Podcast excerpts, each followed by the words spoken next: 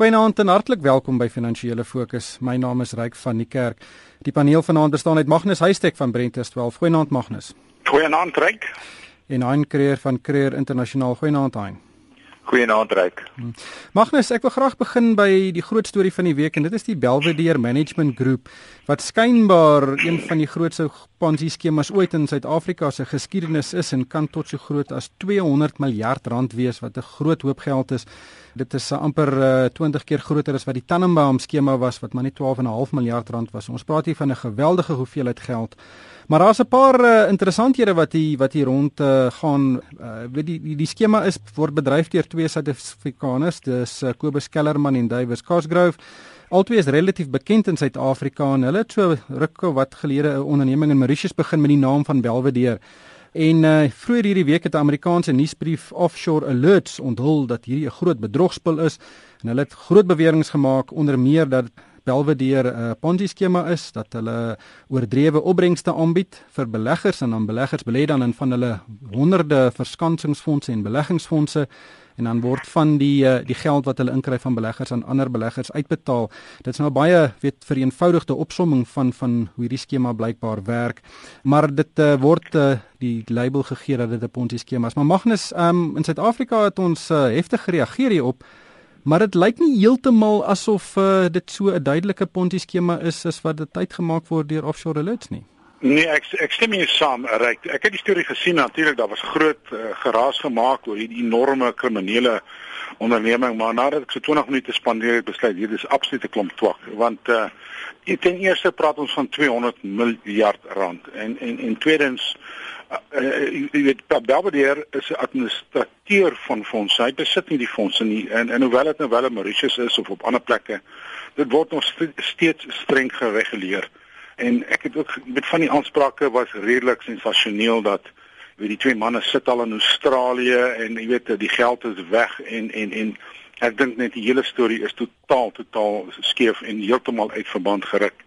Dan mag dalk hier en daar klein administratiewe probleme wees uh verbonde aan van die fondse maar ek ek glo eenvoudig nie die storie nie. Hmm. Ja, en die, die ding van 'n Ponzi skema is gewoonlik is daar geld weg. En hier sien ons nog bitter min mense wat op en af spring wat skree, "Waar's my geld? Waar's my geld?"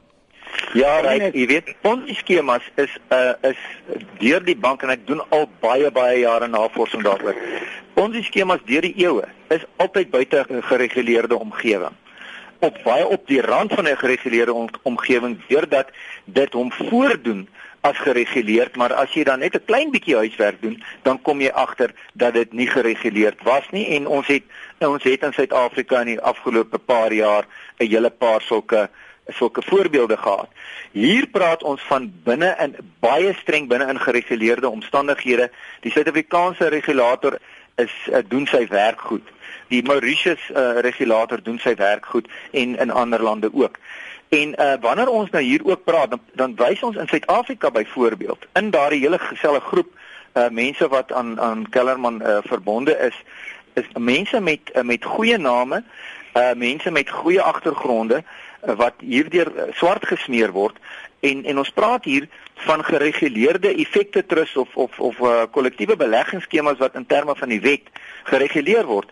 En en 'n gereguleerde kollektiewe beleggingsskema, dit is waarskynlik een van die suiwerste, mees beskermde en mins omstrede skemas wat daar in in in Suid-Afrika in elk geval kan wees omdat dit so effektief beheer word deur die FSB.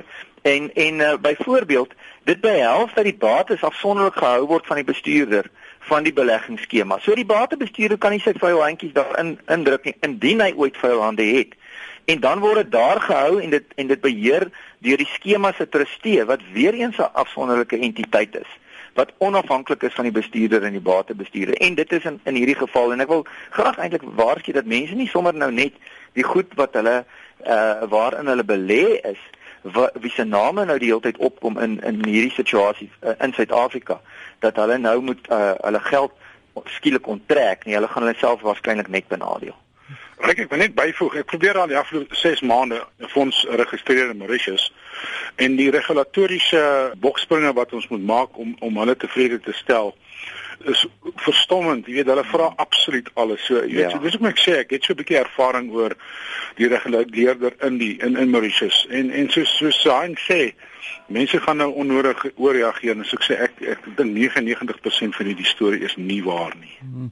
Wel daar is uh, weet twee Suid-Afrikaanse fondsbestuurders wat in 'n mate betrokke is of meer betrek word en dis natuurlik Pieter Armitage en Anchor Capital en ook uh, van Metropolitan se fondse waar daar skynbaar reeds ook uitvloeye gesien is hierdie week. Wat is jou raad aan beleggers Magnus met, met mense nou Ongelukkig het mense on, onthou daar's 11 fondse of 7 fondse betrokke. Die een fonds, en dit is 'n baie klein fonds, is 130 miljoen. Is 'n is 'n oorsese voerderfonds waar die geld oorsee geskuif word en en ten eerste dis 'n goedgekeurde fonds in Suid-Afrika word gereguleer deur die Finansiële Dienste Raad. En van daai geld, 'n deel daarvan lê dalk by een van die fondse wat wat die uh, Belvedere mense administreer. En nou ooreageer mense want die stories was totaal sensasioneel. So mense hmm. gaan 'n ongelukkige kapitaalwinsbelasting moet betaal en dalk ook onnodige verliese ly. En Pieter Amici is, is ingesleep want sy maatskappy wat 'n genoteerde maatskappy is, het, het sopas vir Contigo gekoop wat die die Clarus fondse besit en en blykbaar is is uh Kobus Kellerman se trust een van die uh aandeelhouers in Contiga en toe Amitage besluit hy hy gaan onttrek van hierdie transaksie wat uh weet allerlei gevolge het vir sy maatskappy en in, in terme van verlore tyd en energie. Maar weer eens die geld se beleggers in Suid-Afrika is veilig, dieselfde FSB het so gesê. Hmm. So die beste raad is gaan sien maar 'n finansiële raadgewer as jy betrokke is, maar moenie nou oorhaastig hier optree nie. Absoluut nie. Ja, maar wees ook versigtig ryk dat jy nou nie na ou toe gaan wat nou vir hom 'n deal hier uh, raak sien en wat jy nou sommer nou onnodig gaan skuif nie. De, ja. Daar moet nog steeds deur die deur die hele proses gegaan word van behoorlike wetenskaplike vergelyking van fondse en uitwys dat waarheen jy gaan uh jy in in wetenskaplike terme en in in beleggingsterme beter af is as waar jy was. Ja, ons sal hierdie fyn dophou. Ek uh, jong, ek het nou al geleer in amper 20 jaar in die media as daar 'n rookie is, is daar gewoonlik 'n vuurtjie iewers. Ehm um, ons weet nog op die oomblik net nie waar daai vuur is nie.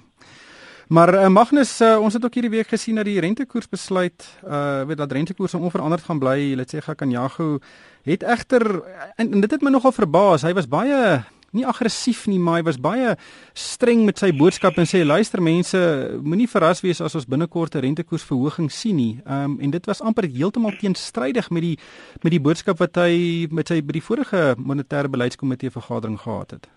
Ja, ek weet nie wat hulle strategie is nie want, want baie ander lande in die wêreld is besig om hulle rentekoerse te verlaag, selfs Australië wat in dieselfde bootjie as ons is met met hulpbronne en dis meer. En ek dink ook nie die rentekoers gaan verhoog word nie want wen ons ekonomie is nou so pap En nou weer gaan rentekoerse ver, verhoog teen einde inflasie of sogenaamde inflasie te bekamp. Daar is geen inflasie in die stelsel nie. Die enigste bietjie inflasie wat ons wel het kom van 'n verswakkende rand. Maar vanuit 'n vraagkant is daar nie inflasie nie. Vanuit 'n produksiekant is daar nie inflasie nie. So ek ek is nie so seker wat hulle boodskap is aan die markte nie. En ek dink ook nie ek persoonlik dink ek nie die rentekoerse gaan verhoog word nie. Hmm.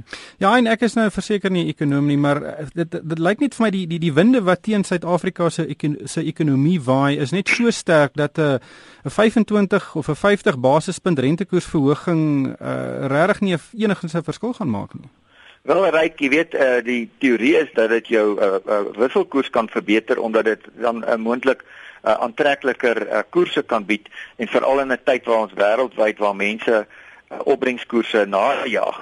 Uh, maar in Suid-Afrika gaan dit hoogstens miskien die bankkoerse verhoog, maar dit ek betwyfel dit of dit enigstens ons uh, ons langkoerse die effekte uh, staatseffekte sal sal uh, verbeter want dit dit word weer heeltemal beïnvloed deur 'n ander situasie in Suid-Afrika en dit is vertroue in die ekonomie en dit kan net uh, soos Magnus ook gesê het 'n baie pap ekonomie net nog meer vuisvoos na die ander kant ja, klap. Net probleem nommer 1 is elektrisiteit. Die ekonomie kan nie groei as daar nie ligte is nie. Ehm um, ja. En ja. en uh weet die die graderingsagentskappe gaan kyk na enige rentekoersverhoging as net nog 'n uh, 'n baksteen wat op die rug van die ekonomie gegooi word. Maar ek dink tog dat uh, die president van die Reservebank het so bietjie uh die minister van finansies se onlangse opmerkings begin napraat en en uh, probeer waarsku hoe 'n uh, dinge soos onder meer uh, die die gebrekkige uh, kraglewering in Suid-Afrika 'n negatiewe effek op die land se ekonomie kan hê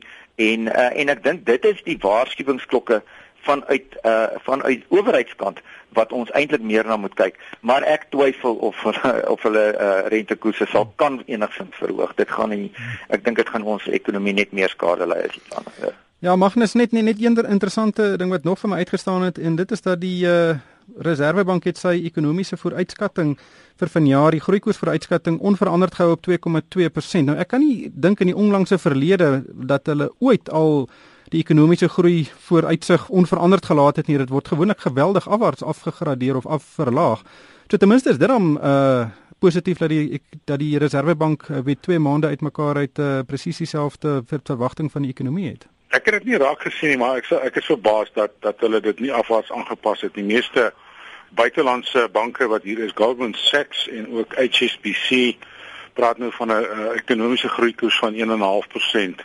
Want soos jy nou net getreg genoem het, ek dink die die die Eskom probleem is 'n reuse probleem. Ek, ons het bedrag gesien van 80 miljard rand 'n maand nou wat dit die ekonomie kos. Nou dis 'n geweldige las op ekonomie. En en, en beide ek en en hy praat gereeld seker met sakemanne en almal vertel vir dieselfde storie. Die die, ja. die ekonomiese vertroue is plat teen die vloer.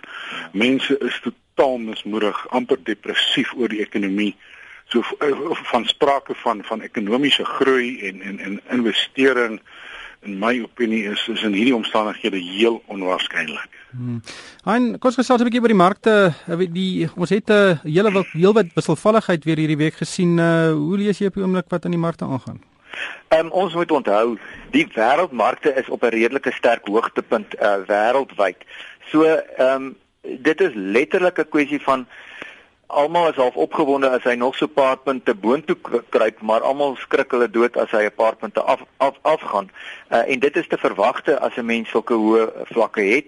En dan het ons ook wêreldwyd 'n uh, geweldige ehm um, ehm um, dollarsterkte gesien in die afgelope jaar en 2 jaar wat ehm um, wat uh, wat 'n baie groot invloed gehad het op die op die markte en ons kan maar net ook weer verwys na die die effek wat die uh, Switserse frank gehad het onlangs toe hy sommer met 16% in een dag gespring het toe hulle hulle losgemaak het van die euro. Nou, ek dink dat daar word baie hard probeer om die dollar te laat verswak, selfs in dollarland. Maar uh, dit dit gaan sukkel sukkel en ons het gesien die effek wat dit op al al die um, wisselkoerse gehad het, soos ons eie dat dit letterlik die Australiese dollar, die Britse pond, die euro en die rand het almal presies dieselfde gereageer hier van die 25ste Februarie af met daai sterk dollar en toe het ons 'n bietjie verswakkingkie nou gekry en 'n terugtrekking, maar uh, al hierdie wisselkoerse het maar nog net helfte teruggetrek van wat hulle verswak het teenoor die uh, sterk dollar. Maar dit is hier dollar sterkte, dis nie verswakking van die ander wisselkoerse nie want hulle loop almal in dieselfde lyn. Ja, Magnus, die, die rand het dan 'n bietjie uh weet begin stabiliseer hier rondom die 12 rand in die dollar wat uh sommige mense het gedink uh, dat hy heelwat verder kon val. Ja, ek dink is maar net so Sain sê, dit is 'n kwessie van dollar uh, sterkte. Die dollar die afgelope 2 weke so bietjie teruggesak na uh, die die die Jelen se toespraak 10 dae gelede. Maar ek dink dit is net 'n uh, 'n kortstondige uh, terugsakking. Ek dink die dollar sterkte gaan nou weer voort uh, later in die jaar so. Ek dink teen 12 rand as jy nog nie dollars gekoop het nie, so moet jy nou maar weer begin koop. ja, ek stem saam, ek stem saam met Magnus daar. Hmm. Net laastens uh, Hein, ehm um, daar was ook die week 'n paar opskrifte van uh, wat Lionel October genoem het uh, aan die weet die kantlyn van een of ander konferensie wat hy gesê die die die staat wil 'n baie groot fonds op die been bring om om swart nywerhaars te ondersteun en en en groot nywerhede weet fabrieke en en fabriekswese ehm um, die transformasie daar te ondersteun. Weet dit is natuurlik baie goed vir die land as dit gaan gebeur, maar en die regering gaan baie geld daarvoor op sy sit. Weet dit is ook nou nie iets wat uh, vreemd is in Suid-Afrika se geskiedenis nie, maar hoe hoe hoe lees jy daai tipe van inisiatiewe? Jy weet eerstens uh die uh, besonderhede is altyd uh, die fynskrif is uh, sê eintlik vir jou regtig wat dit is. Die ander kant is meeste van hierdie fondse van regeringskant af uh word uiteindelik maar presies op dieselfde wyse gehanteer in terme hanteer in terme van risikobestuur as wat uh, jy gaan kry as jy by 'n bank gaan geld leen. En ons baie keer die mense keer baie keer jy weet teleurgestel daarin.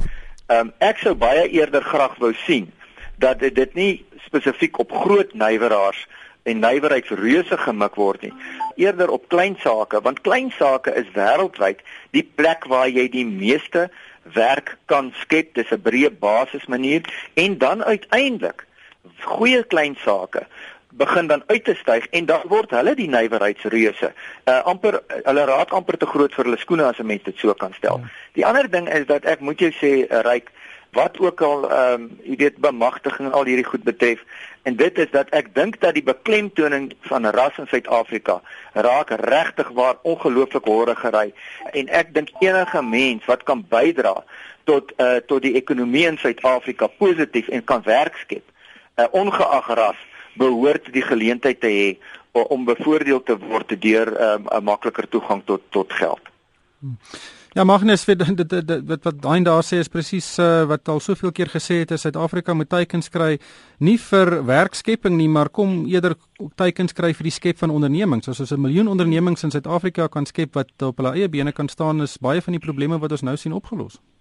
Dit sal dit sal dit sal soveel meer positief wees as president Zuma praat van vennootskappe tussen tussen ervare neighbors en en opkomende neighbors in plaas van heeltyd te praat van van swart neighbors en ons gaan die swart maatskappye stig. So jy jy daai kloof word al hoe groter.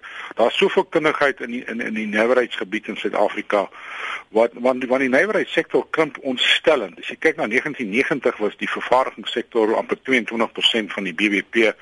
Dis nou skaars meer as 10%. So ehm um, dit dit is 'n groot kommer dat ons nywerheid uitgehol word, maar ek dink as hy eerder praat van vennootskappe sal hy baie meer 'n positiewe reaksie kry van die van die sake sektor. Hmm. Ongelukkig het die tyd ons ingehaal. Baie dankie aan Magnus Huystek van Brenthurst Wealth en Nine Creer van Creer Internasionaal en van my ryk van die kerk. Baie dankie vir die saamluistering. Ek hoop almal het 'n winsgewende week.